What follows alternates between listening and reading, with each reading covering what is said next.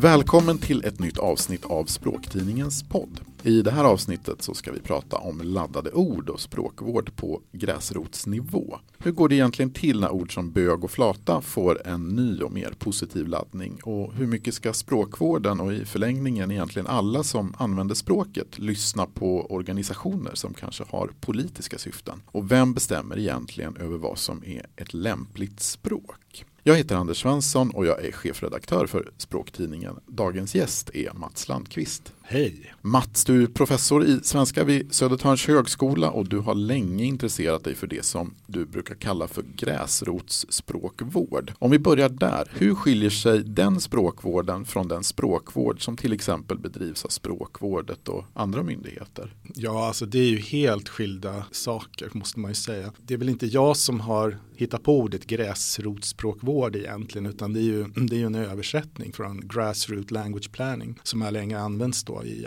amerikanska sammanhang till exempel. Och med gräsrötter, det menas faktiskt inte här att det är alla enskilda individer som idkar någon typ av, av språkplanering utan det handlar ju om organisationer framför allt. Det här är ju organisationer som, eh, som kämpar för minoriteters rättigheter mestadels. Och det är väl det som är gräsrötterna här. Och ja, vad, vad, betyder det egentligen gräsrot då? Då är det väl snarare den typen av politik som inte förs i den, eh, den formella strukturella politiken i, i form av riksdag och, och regioner och, och, sånt och kommuner och så.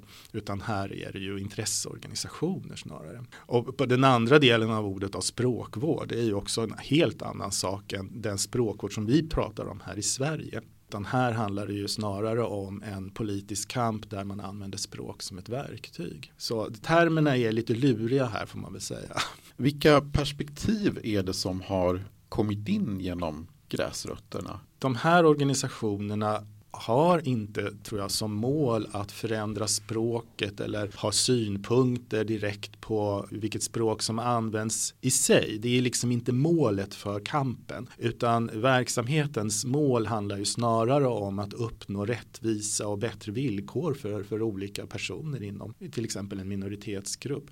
Och det är ju både socialt, normalt vardagliga sammanhang men också organisatoriskt framförallt på arbetsmarknaden. Så perspektiven som har kommit in via då förslag och idéer och tankar och, och liksom attitydförändrande språkbruk som man försöker kanske lansera då. Det är väl att man synliggör. Det är väl det, det, det tydligaste och vanligaste och som har, det har varit genomgående ända sedan, sedan man började med, med det här. Och, så, och då är det att synliggöra och att motarbeta intolerans och att få personer accepterade. Och hur kan synliggörande och motarbetande av, av fördomar, hur kan det se ut rent konkret språkligt så?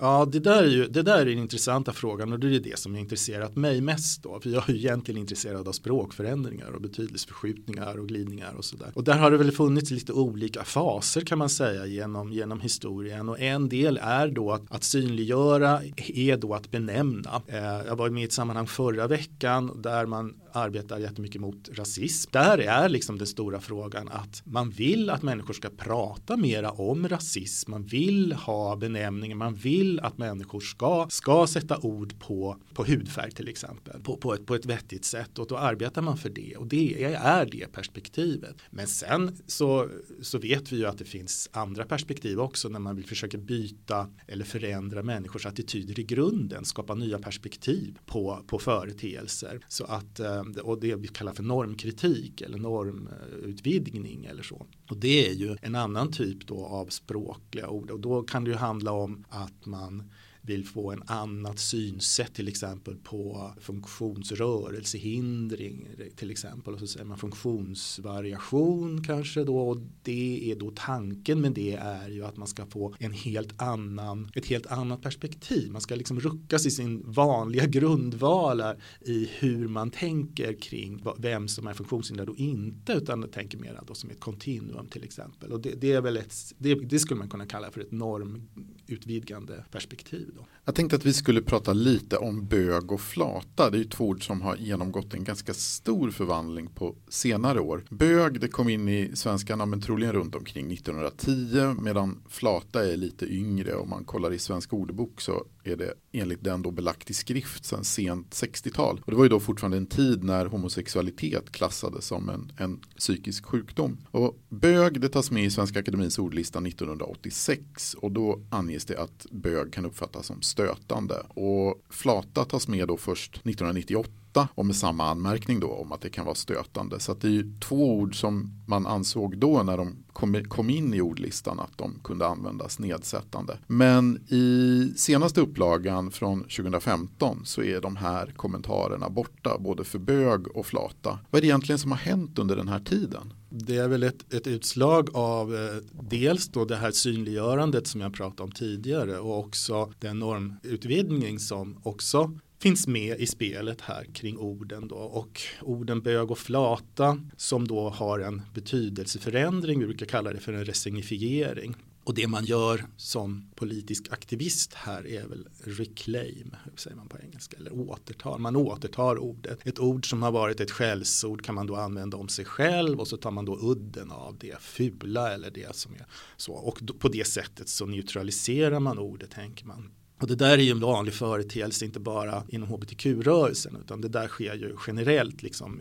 över alla, alla grupper som har nedsättande ord kring sig. Då. Sen är det ju intressant att man, eh, den här, det här fenomenet eller den här tendensen startade ju i slutet på 70-talet och har pågått sedan dess och det är ju ganska länge sedan. Så då kan man ju undra hur effektivt är det då att resignifiera ett ord om det dröjer ända till 2015 innan ordet inte är stötande. Jag vet inte om man ska använda ord som flockimmunitet här, liksom att det sprids tillräckligt mycket så att man till sist då till sist så är det så få som tycker att det är stötande så att redaktionen för SAOL tycker att man kan ta bort den benämningen, beteckningen på ordet. Då. Men det som det visar i alla fall, eh, det här långa perspektivet tycker jag, det är ju att det är svårt. Man kan inte tvätta ord på det sättet egentligen, utan det, det kommer alltid finnas kvar den, den tidigare prioriseringen. Liksom, det tror jag. Och det här gäller ju även om man har ny, nya ord på en, en en grupp som har tidigare benämnts nedsättande så händer det ju också att den, den nya neutrala benämningen blir då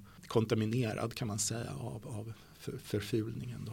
Det där tycker jag är intressant, för jag minns ju själv ja, men när jag var eh, liten eller liksom typ gick på lågstadiet så var ju bög definitivt ett, ett skällsord. Man kan ju fortfarande höra det som ett skällsord idag. Det är ganska sällsynt, men det dyker upp i olika sammanhang, men liksom när någon ja, svär eller verkligen liksom vill kränka någon så. Så det är uppenbart som du säger att den här gamla konnotationen är inte helt försvunnen. När man ändå så att säga återtar ett ord av det här slaget, vad, vad, är det ändå som krävs för att den processen ska, ska bli framgångsrik? Uppenbarligen så kanske den inte alltid är till 100% eh, framgångsrik och att den alltid finns kvar. Jag tror kanske att det är så här ändå att ett ord som har en laddning oavsett om det är en ideologisk laddning eller om det är i det här fallet då någonting som grupper man kanske ser ner på eller så så är det nog så att det, det, är svårt att hitta en entydig benämning alltså det finns ingen betydelse som är stabil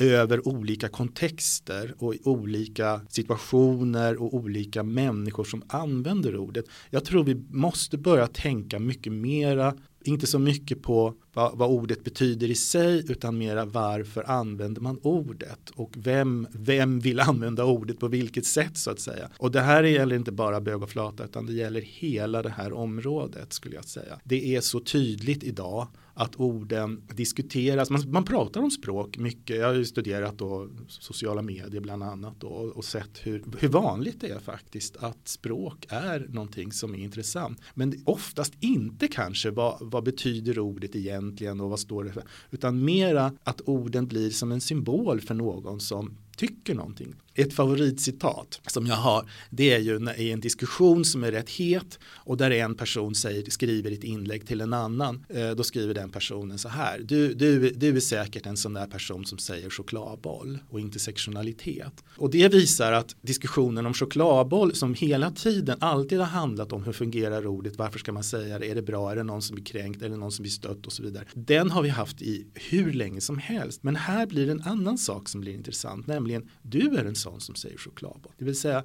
ordet får en symbolvärde snarare. Det hör ihop med en viss grupp eller en viss social positionering. Och det är verkligen inte bara liberala eller radikala positioneringar som man, man liksom tänker kring att de har eh, vissa signalord då, eller symboliska ord utan det gäller alla. På senare tid har vi ju eh, ord som svenskfientlig, Sverigevän till exempel. Det är ju samma sak där. Vi, vi, vi hör orden och vi förstår ungefär vad de betyder men vad vi framförallt förstår är vem som skulle säga det, vem som skulle använda det och varför. Och det är den diskussionen som jag tror snarare skulle vara intressant faktiskt här. Det är inte så givande att bara prata om ordets funktionalitet jämt utan jag tror att eh, eh, den här mera, speciellt när det gäller ideologiska ord så tror jag att eh, symbolvärdet är väldigt viktigt. Det är inte alltid som alla som kan sägas tillhöra en grupp eller något slags gemenskap är, är överens. Alla är vi ju individer. Jag vet att det finns till exempel samer som själva ja, men föredrar lapp trots att det är en benämning som inte längre rekommenderas. Och jag har en vän ja, vars man är som han själv säger zigenare och har zigensk bakgrund. Han använder inte romsk, han tycker att det ordet är ganska fånigt. Och tittar man bland ja, men offentliga personer så har vi till exempel David Lega, idrottaren som blev kristdemokratisk politiker och som själv använde handikapp och inte ser någon anledning att säga till exempel funktionsvariation eller funktionsnedsättning. Så som sagt, grupperna är ju definitivt inte enhetliga. Så om jag sitter och skriver och vill göra rätt men samtidigt inte vill kränka eller stöta mig med någon. Hur ska jag hantera den här typen av situationer? Jag får börja med att kommentera det första du sa då, om att det här med grupperna inte är eniga om de benämningar som lanseras. Då. Och eh, det där är helt sant och helt riktigt i alla fall i de undersökningar som jag har gjort. Det stämmer i alla grupper, i alla diskriminerade grupper, i alla organisationer så finns det oenighet, ibland väldigt stark oenighet. Och det kan ju bero på flera olika saker. Det första vi tänker är kanske att man är van att kalla sig själv på ett visst sätt och man kanske har kallat sig, sagt att man är zigenare i sin familj eller i sin släkt eller i sin grupp överhuvudtaget under, under lång tid och tycker att det är onödigt att ändra eller man ser inte poängen med att ändra. Men det kan också ha att göra med det som jag var inne på alldeles nyss att man associerar ord som rom, same eller vad det kan vara till en viss falang eller en viss politisk position. Man kanske till och med uppfattar det som någonting som är formellt och förvaltningsmässigt ord. Alltså någonting som kommer ifrån en, en elit eller en myndighet eller någonting som man definitivt då inte tycker att man tillhör. Alltså någonting som kommer då utifrån. Och när det gäller ord som jag var väl inne på, tror jag, på funktionsvariation tidigare och även ordet funkis eh, där det råder eh, stor oenighet i funktionsrörelsen. Där finns det vissa som tycker det här är bra, det här normkritiska perspektivet att man luckrar upp och att man försöker se nya, nya möjligheter och så småningom hitta nya attityder. Medan andra eh, tycker att det känns onödigt och konstigt och kan inte riktigt identifiera sig med ordet och sen finns det en diskussion kring det. Så att eh, fenomenet finns ju hela tiden. Din andra del av frågan, vad ska vi göra när vi skriver då och när vi ska hitta rätt ord? Ja, det där är ju en, en, en lurig fråga såklart och det går ju inte att svara på ett entydigt sätt exakt vad man ska göra. Jag själv är ju då eh, forskare och intresserar mig för teorier mest då eh, och om sådana här saker och e- är in, kanske inte direkt en eh, språkrådgivare i första hand. Men jag försöker ju ändå hålla kontakten med eh, språkvården, den professionella språkvården, alltså institutionaliserade språkvården pratar jag om då. Eh, och, och försöker föra en diskussion kring, kring här frågorna. Och där görs det ju bra och fina insatser faktiskt. Senast, det bästa exemplet jag kan komma på det är väl terminologerna på språkrådet som har eh, gjort en, eh, en ordlista kan man väl säga eh, inom hbtq-området som Socialstyrelsen har och lanserar den och så då har vi ju en myndighet då som, som rekommenderar ord i möjligheten. Men med res reservation då naturligtvis för det som vi pratade om tidigare, alltså betydelseglidningar, förändringar, språkförändringar, orden urvattnas, orden får nya utbildningar. Så att det är inte lätt och inte löst i och med det, det kan man verkligen inte säga när man skriver så, så, har jag väl upplevt själv att det finns många, men man vill ju förstås gärna ha enkla svar. Det här är ordet som gäller, om du använder det här så känner sig ingen kränkt och ingen känner sig utanför eller sådär. Och precis som du sa så man ser ju också olika typer av listor till exempel, säg så här, inte så här. Men alla är ju inte riktigt alltid överens. Är det så att man helt enkelt ibland får acceptera att det inte finns några enkla lösningar? Att det kanske inte går att formulera sig på ett sätt där alla känner sig inkluderade? Ja, och kanske, kanske ännu värre, det kanske finns negativa konsekvenser med att man är också för lydig som, som skribent och försöker ta till sig det, det så att säga rätta ordet. Ja, nu blir det tredje gången jag tar upp funktionsvariation, jag ber om ursäkt för det, men det kanske är enkelt att ta samma ord. Det ordet har ju varit spännande att se hur det har betydelseförändrats på otroligt kort tid. Betydelsen är ju den som jag sa förut, den ska ju vara perspektivförändrande. Hur uppfattar journalister och skribenter det? Hur används det egentligen? Ja, som en synonym till funktionsnedsatt eh, exakt så. Eller som handikappad eller så. Alltså det blir bara ett ordbyte. Och det gör man väl därför att man, ja precis som i din fråga då, man undrar vilket ord är rätt, vilket ska jag ta? Och så tar man det ordet för man tror att, ja men nu ska man säga funktionsvarierad eller någonting sånt. Det är rätt, de andra är säkert inte bra. Och så, och så har man ingen egen reflektion kring det. Och det, det kanske är det kanske man inte ska kräva heller men jag, någonstans blir väl det hela, hela liksom projektet här då blir kanske lite förfelat om, om man har en tanke med använda ett ord och ett visst ord och sen används det på ett helt annat sätt egentligen då, då har man kanske inte kommit så långt egentligen om man bara byter ut ett ord. Och det var väl det jag sa förut också, alldeles i början så frågade du vad gräsrotsspråkvård var för någonting och språkaktivism och sådär. Då är det nog så att aktivister arbetar inte för att förändra språk. Det är inte målet att ändra språk hos människor eller att gå omkring och tala om för människor vad de ska säga. Många tror ju det. Många tror att vi har fått en ny kategori av språkpoliser som går omkring och säger att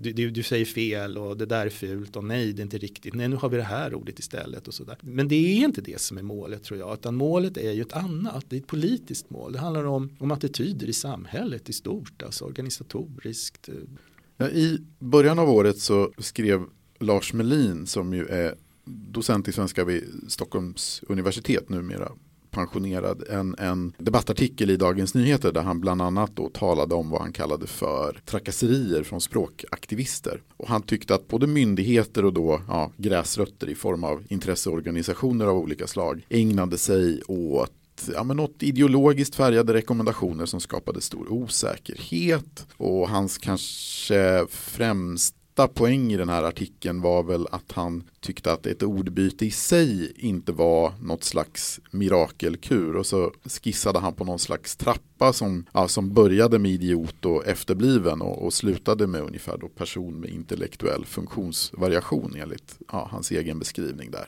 Och han kallar det här för ett sätt att att skyla över verkligheten, att sminka över den och utan att man då förändrade det som låg bakom de här orden. Du var en av de språkforskare som reagerade på den här artikeln och skrev en replik i, i Dagens Nyheter. Och ni skrev ju bland annat att lösningen inte var att behålla gamla och nedsättande benämningar. Men eh, hur kan man då göra så att säga när man introducerar en ny benämning? Vad kan man göra för att den inte så att säga ska bli bara en synonym till den här benämningen som man lämnar bakom sig? Det är en 10 000 kronors fråga faktiskt, eh, ganska svår. Men om jag ska kommentera lite grann över den här debatten så är ju den, både samtalet mellan dig och mig här och mellan Lars Melin och oss då som har svarat på honom, det, det är ju en diskussion som förs av, av språkexpert experter, alltså språkvetare. Man måste tror jag komma ihåg att människor som arbetar i politiska projekt runt om i samhället är i allmänhet inte språkvetenskapligt skolade. De har kanske inte ett specialintresse för språk och språkvetenskap. De känner inte till hur, hur språkförändringar går till eller vad, vad ord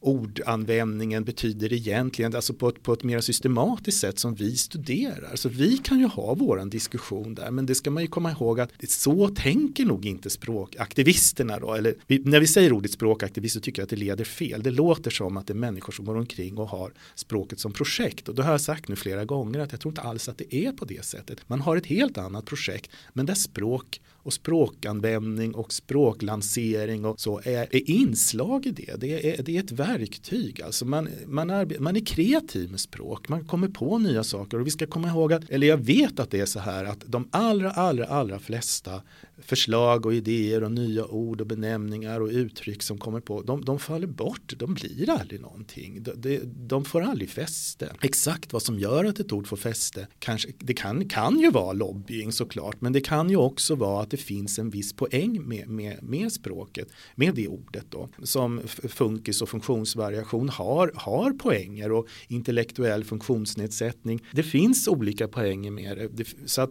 man ska väl inte bara heller säga, tycker att det är förenklat att säga att det bara skulle, skulle vara att sminka över och att man ersätter ett ord. Nu sa jag det själv alldeles för en liten stund sedan att visst är det så att ordens eh, ideologiska kraft eller förändringspotential på människors medvetande den, den, kan, den kan gradvis avta eller man använder ordet i brett så, så, så får det inte den här effekten längre. Men det är ju inte hela sanningen. Det tror jag faktiskt inte. Jag tror att gradvis så hittar vi en, en möjlighet. Men visst, det går, det går långsamt. Som det exempel som du var inne på allra först, då, bög och flata, som eh, vandrar genom historien från eh, 20-talet och fram till idag. Från att ha varit extremt stötande till, till idag då att man ta bort stöthetskaraktären på ordet. Så att ordens valör ändras och eh, våra medvetande förändras och attityder förändras. Så jag tror språket är en väldigt, väldigt stor del i det. Jag skrev själv också en, en replik på eh, Lars Melin där och, och tog just, ja, men använde Samus som exempel som jag tycker är intressant. Där skedde det ju, ja, men det var ju lite olika händelser som ja, men lite sammanföll i tiden. Det kom minoritetsspråksstatus för samiska, kom ett beslut om nationella minoriteter där samer är en grupp och lite ungefär samtidigt ja, någorlunda samtidigt så, så att säga, kan man säga att den här rekommendationen från lapp till same fick genomslag. När så att säga ett sånt här ordskifte, om vi nu ska kalla det så, följs av den här typen typen av ja, men faktiskt konkreta åtgärder men jag tror ganska stor symbolisk betydelse. Är det sånt som kan hjälpa till att man kan lämna det här ja, då gamla och lite ja, men det här gamla ordet med negativ laddning bakom sig och att det här ordet som introduceras, att det kan få en mer positiv laddning. Ja, det tror jag ju faktiskt. Språkutvecklingen är, är naturligtvis en del, ett verktyg eller en mindre del av, av, av en helt större samhällsförändring så, som sker och att språkutvecklingen är en del som kanske driver, driver den också. Det är väl så kanske man ska se på den här sociala konstruktivismen som har blivit lite utskälld ibland när vi språkvetare använder den, men det är ungefär så vi menar, va? att det här är en del av det. Får jag ge ett annat exempel exempel från den här normkritiken och benämnande, benämnande iven då så, så har man ju sagt att om, om man nu vill bli synliggjord som minoritet och få en benämning, en neutral benämning så blir det ganska naturligt att också försöka synliggöra och benämna majoriteten då, den andra positionen, alltså den, den privilegierade kan man säga, majoritetskulturens positioner. Och det där har vi ju sett ganska mycket av. Eh, vi ser i hbtq-rörelsen, man använder ord som heteroperson eller cisperson och sådär som då skulle vara i kontrast mot transperson eller homoperson. Då. Och vi ser det ju också i antirasismen. Va? Vi pratar om vithetskulturer och eh, vithetsnormer och icke-vita och vita personer och sådär. Och det är ju ett sätt att försöka benämna. Och, men, men jag vill gärna ser det här som en retorisk fråga också. Det är inte bara en fråga om språkvård. Det är möjligt att språkvård också är retoriskt. Men alltså en retorisk fråga kring hur man, liksom, man uppfattar hela det här projektet att skapa nya ord. Det kommer ju med olika vittnesmål. Alltså i och med att en minoritet blir synliggjord så blir ju de individernas berättelse spridda. Och det är ju ofta berättelser från den som har varit drabbad av diskriminering. Alltså det är ju offerberättelse. Den typen av retorik är ju någonting som vi ser har verkligen förändrat vårt medvetande och vårt synsätt på saker och ting. För nu ser vi ju mer och mer hur den typen av minoritetsretorik har tagits över av majoritetsgrupper. Vi har sådana här som incels, om ni vet vad det är. Det är alltså vita män som hatar feminister. Eh, de använder exakt samma retorik och använder också bedömningar på sig själv och andra och lanserar så att säga det då i alla fall inom sig och sin grupp där, där man så att säga övertar ett sätt att prata, ett sätt att använda språk, ett sätt att lansera språk, ett sätt att, att få, få, få igång en språkutveckling och betydelseförändringar för en politisk kamp i sin tur då som någon slags motkamp. Jag tycker att vi språkforskare får liksom inte stirra oss blinda på ett ord och prata om det och undra vad det betyder utan ja, som jag försöker understryka här, det har symbolvärden och det ingår i en diskurs som, som, som pågår och den, den förändrar oss och den förändrar vårat samtal som vi har och det förändrar debatten. Så definitivt så tror jag nog att det är det. Det är nästan lite naivt att säga att språket inte förändrar våra medvetanden. Så man kan kanske säga så att ett nytt ord är liksom ingen mirakelkur i sig. Men det kan kanske skapa diskussioner som i sin tur bidrar till att skapa en förändring. Det skapar definitivt diskussioner, det ser vi och det kan ju vara glädjande för oss språkforskare för då har vi någonting att studera och det, det finns ju många evidens och bevis här på, på att, att språkförändring sker och att det händer någonting när språken tas emot i samhället, absolut. Du var ju som sagt en av dem som inte höll med eh, Lars Melin där om, om en hel del. Samtidigt så vet jag att hans, den här debattartikeln den fick en hel del kommentarer. Så vitt jag kunde se så var det väldigt många som var positiva. Och, eh, så att det var uppenbarligen så att det var, fanns ändå rätt många som, som höll med honom. Min känsla var när jag läste igenom kommentarerna att många av de som kommenterade, ja, men, som att han liksom fångade någon slags, så ska man säga, trötthet eller vad man nu ska kalla det för hos rätt många svenskar. Att det kanske fanns en känsla av att nu kommer en ny benämning och så kommer det kanske inte förändras så mycket i, i slutändan. Men jag tänkte, upplever du så att säga, bland allmänheten, finns det en sån trötthet? Det är säkert riktigt det som de har skrivit och de som har kommenterat Lars Melins artikel. Men jag tror nog att tröttheten handlar väl om polariseringen i samhället och en otrolig fragmentering av den politiska diskussionen och framförallt att den offentliga eller offentligheten har blivit så stor och inkluderar så väldigt många. Många positioner, många röster och eh, det är ibland förvirrande och svårt att orientera sig. Som tidigare var det ju kanske inte så. När jag växte upp så, så var det väl så att ordet ordet valfrihet kunde man, visste man absolut att man skulle associera till ett visst politiskt parti och jämlikhet till ett annat parti. Så att tendensen och, och, och fenomenet med så att säga symboliskt laddade ord fanns ju då också. Det är ju ingenting nytt. Men det är ju det att idag är det ju så otroligt mycket mer splittrat och fragmenterat. Det kan ju skapa trötthet tror jag. Det är väl snarare den typen av röster som jag hör. Men sen också att man gärna diskuterar och är kritisk kring språkutvecklingen och det ser jag väl inte som någonting fel eller osunt i sig utan det är väl, det är väl jätteroligt att människor intresserar sig för språket och diskuterar det. Då säger jag tack så mycket Mats Landqvist och tack till dig som har lyssnat. Språktidningens podd är tillbaka med ett nytt avsnitt om ungefär en månad. Om du har gillat det du har hört och vill skänka en slant till podden så får du gärna swisha ett litet bidrag till 123 157 9937. Alltså 123 157 9937. Och beroende på i vilken poddtjänst du lyssnar på oss så får du gärna ge oss en stjärna eller en tummen upp eller en kommentar eller en recension eller vad det nu kan vara som finns just i din poddtjänst. Och kom gärna ihåg att prenumerera också. Om du är nyfiken på språktidningen och vill teckna en prenumeration på själva tidningen så kan du gå in på språktidningen.se. Tack så mycket och på återhörande.